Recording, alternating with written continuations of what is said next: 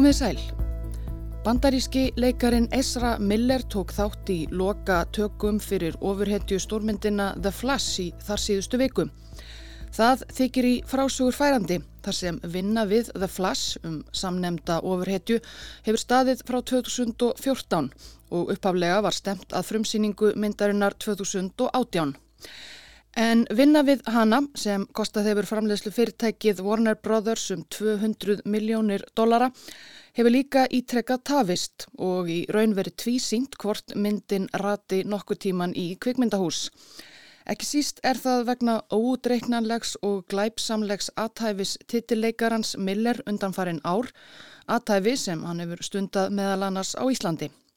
Ég heiti Vera Ílóðadóttir og þetta er fréttaskýringa þátturinn Þetta helst hér á Rás 1 og við ætlum að fara yfir undarlegan feril Esra Miller.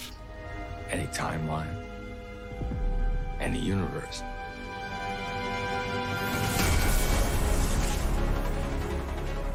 The Flash er ein af ofurhetjunum úr heimi DC Comics, lauruglunni með að nafni Barry Allen sem öðlast hann einleika eftir að hafa orðið fyrir eldingu að geta hlaupið á ofurhraða.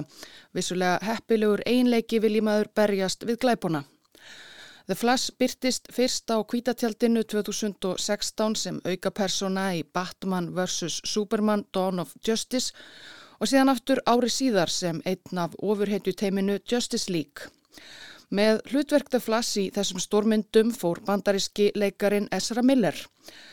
Ezra Miller er kynsegin og notar kyn hlutlaus personfornöfn. Hán er fætt 1992 og vakti fyrst aðtegli 19 ára í titillutverki kveikmyndarinnar We Need to Talk About Kevin þar sem Miller fer með hlutverk ungs manns sem fremur fjöldamorði mentaskóla sínum. Uh, steak, medium rare and a bottle of Merlot. Right around dessert, you can ask about drugs. Real careful, like, because you don't want to scare me into, like, lying my head off. So you have to say how you've experimented. Then finally, once you've sucked up that entire bottle of wine, you can go all gooey-eyed and say how nice it is to spend quality time together. You can scooch over and put your arm around my shoulder and give it a little squeeze.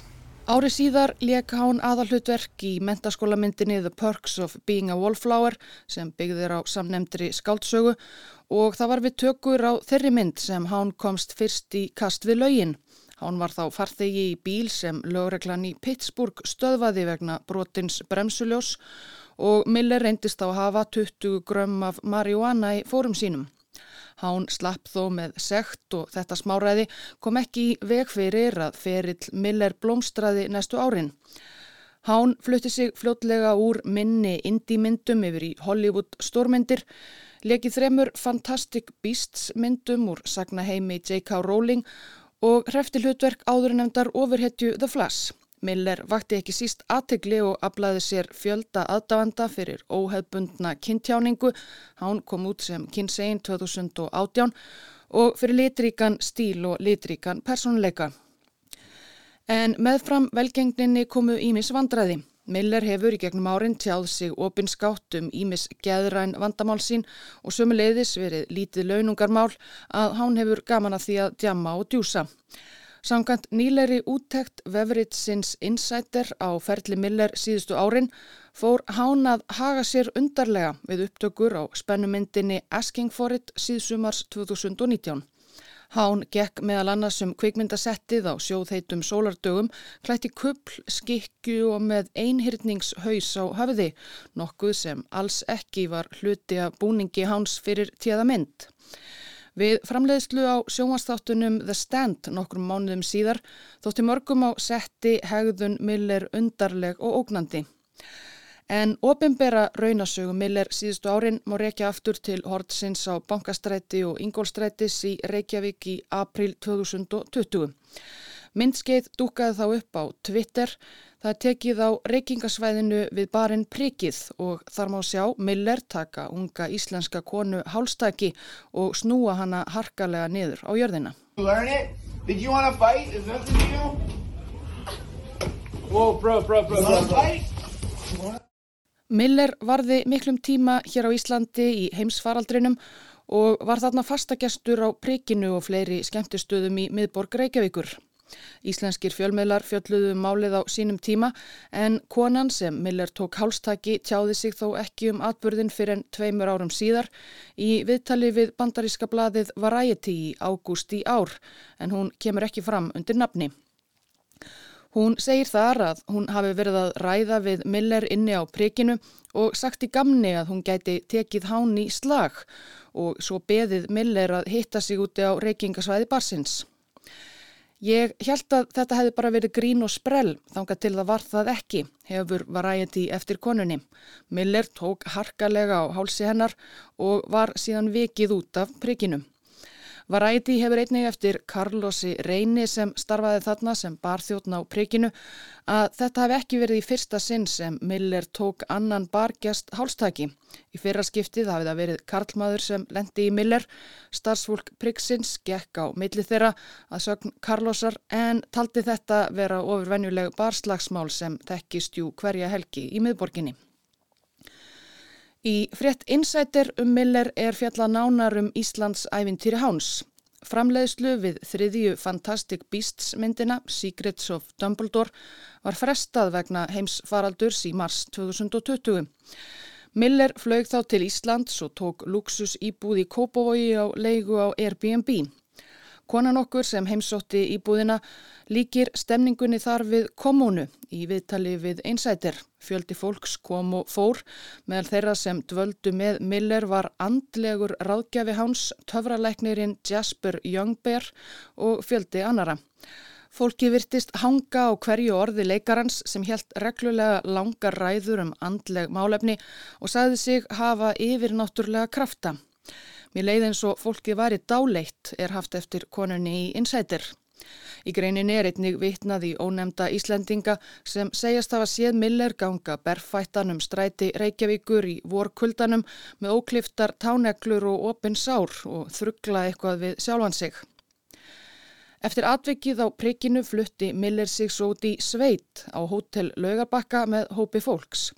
Þar á meðal var 18 ára kona sem vildi ekki láta nafn síns getið við insætir.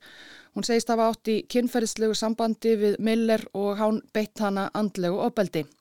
Þegar unga konan sneri heim af hotellinu let vinnur hennar sem hafi heyrt sögur af því sem framfór í kringum Miller hann að hafa lesefni um sértrúasöfnun. Ezra Miller komst aftur á forsiður slúðurmiðla í mars 2022 þegar hán var handtekið eftir að hafa veist að gestum og verið með uppsteitt á Karuki bar á Hawaii. Myndband af handtökunni byrtist á netinu. Þar má heyra Miller vittna í stjórnarskrá bandaríkjana og saka lauruglumannum að snerta á sér kinnfærin og nota raung fornöfnum hán sem kynsein mannesku. I claim my fourth amendment rights to not be searched and seized on no probable cause. I claim my fourth amendment rights to not be unlawful. Hey, you just touched my penis. Please don't do that. I'm not transgender, non-binary. I don't want to be searched by a man. Degi síðar fór par nokkuð á Hawaii fram á nálgunarbann gegn Miller eftir að hánað þeirra sögn, braust inn til þeirra, hótaði þeim lífiláti og stál, veski og vegabriði. Í apríl var Miller svo handtekið enn einu sinni á Hawaii fyrir að neyta að yfirgefa íbúð sem hán var statt í og kasta stól í höfuð 26 ára konu með þeim afleiðingum að hún hlaut skurð á enni.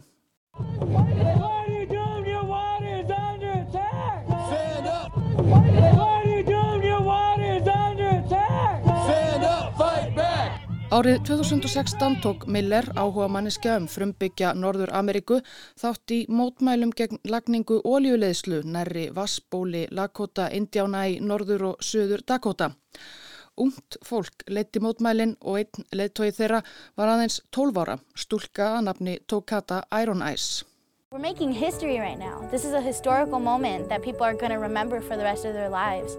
Þrátt fyrir 12 ára aldursmun urðu Miller og Ironæs vinir og með leifi foreldra hennar fekk hún að fara til Lunduna og kostnað Miller og vera við frumsýningu á fyrstu Fantastic Beasts myndinni. Síðan heldu vinirnir sambandi en að sögn foreldra Iron Eyes, Chase Iron Eyes og Söru Jumping Eagle varð Miller ódreiknanlegri með hverju árinu sem leið og þau segja í raun að hán hafi grúmað Iron Eyes til fylgilags við sig og fyllt huga hennar af fjärstaðukendum ránkumindum. Esra er Jésu og Tókata er konguló að giðja hinn að hinstu daga og samband þeirra mun leiða til heimsendis.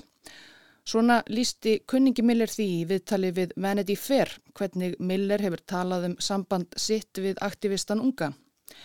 Í áslokk 2021 fór Iron Eyes að heiman í fyllt Miller og hætti samskiptum við foreldra sína.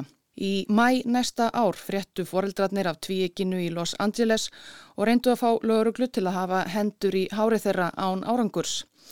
Þau segja að Miller hafi beitt dóttur þeirra líkamlegu og andlegu ofbeldi og tekið af henni síman. Tók þetta Iron Eyes sjálf sem er á 19. ári í dag og því sjálfráða hafnar öllum ásökunum á hendur Miller um að hán hafi grúmað hana eða þau hafi átt í einhvers konar óviðegandi sambandi.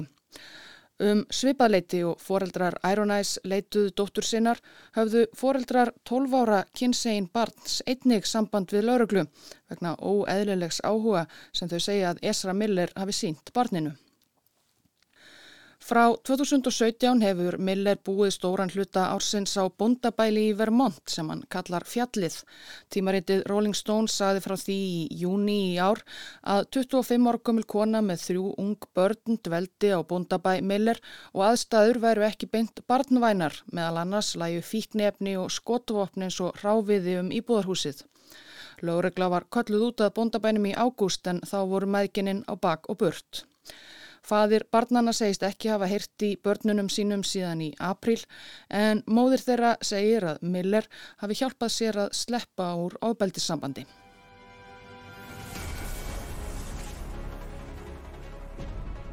Ofurhetjumyndinni The Flash sem Miller fer með titillutverkið í hefur verið ítrekkað frestað vegna koronaviru faraldur sinns og allar þær fréttir sem hér hafa verið tíundaðar um háttalag Miller og í laungum greinum Insider, Variety og Vanity Fair sem hér hefur verið vísað í.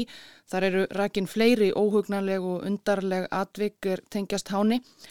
Þær urðu til þess að margir Hollywood spekulantar fóru að efast um að myndin myndi yfirleitt rata í kvikmyndahús nokkuð tíman þrátt fyrir að hún væri svo gott sem tilbúin og er gríðar hái fjárhæðir sem framleiðandin Warner Brothers hefur lagt í framleiðsluna. Þessar evasemdir stigmögnuðust þegar leið á síðasta sumar og vandamál Miller virtust verða sífelt meiri og alvarlegri.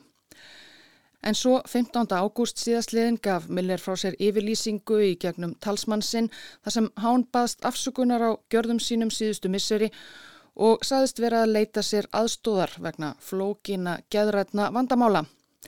Og sem fyrr segir sást til háns á setti nýverið þar sem fram fóru auka tökur fyrir það flass. Ekki fyrr sögum af því hvernig Miller hegðaði sér á tökustað Fyrirhugað er að frumsýna Loksta Flash í júni 2023 að öllu óbreyttu. Við sjáum til með það en þetta var helst af leikaranum Esra Miller í þetta sinn. Takk fyrir að leggja við hlustir.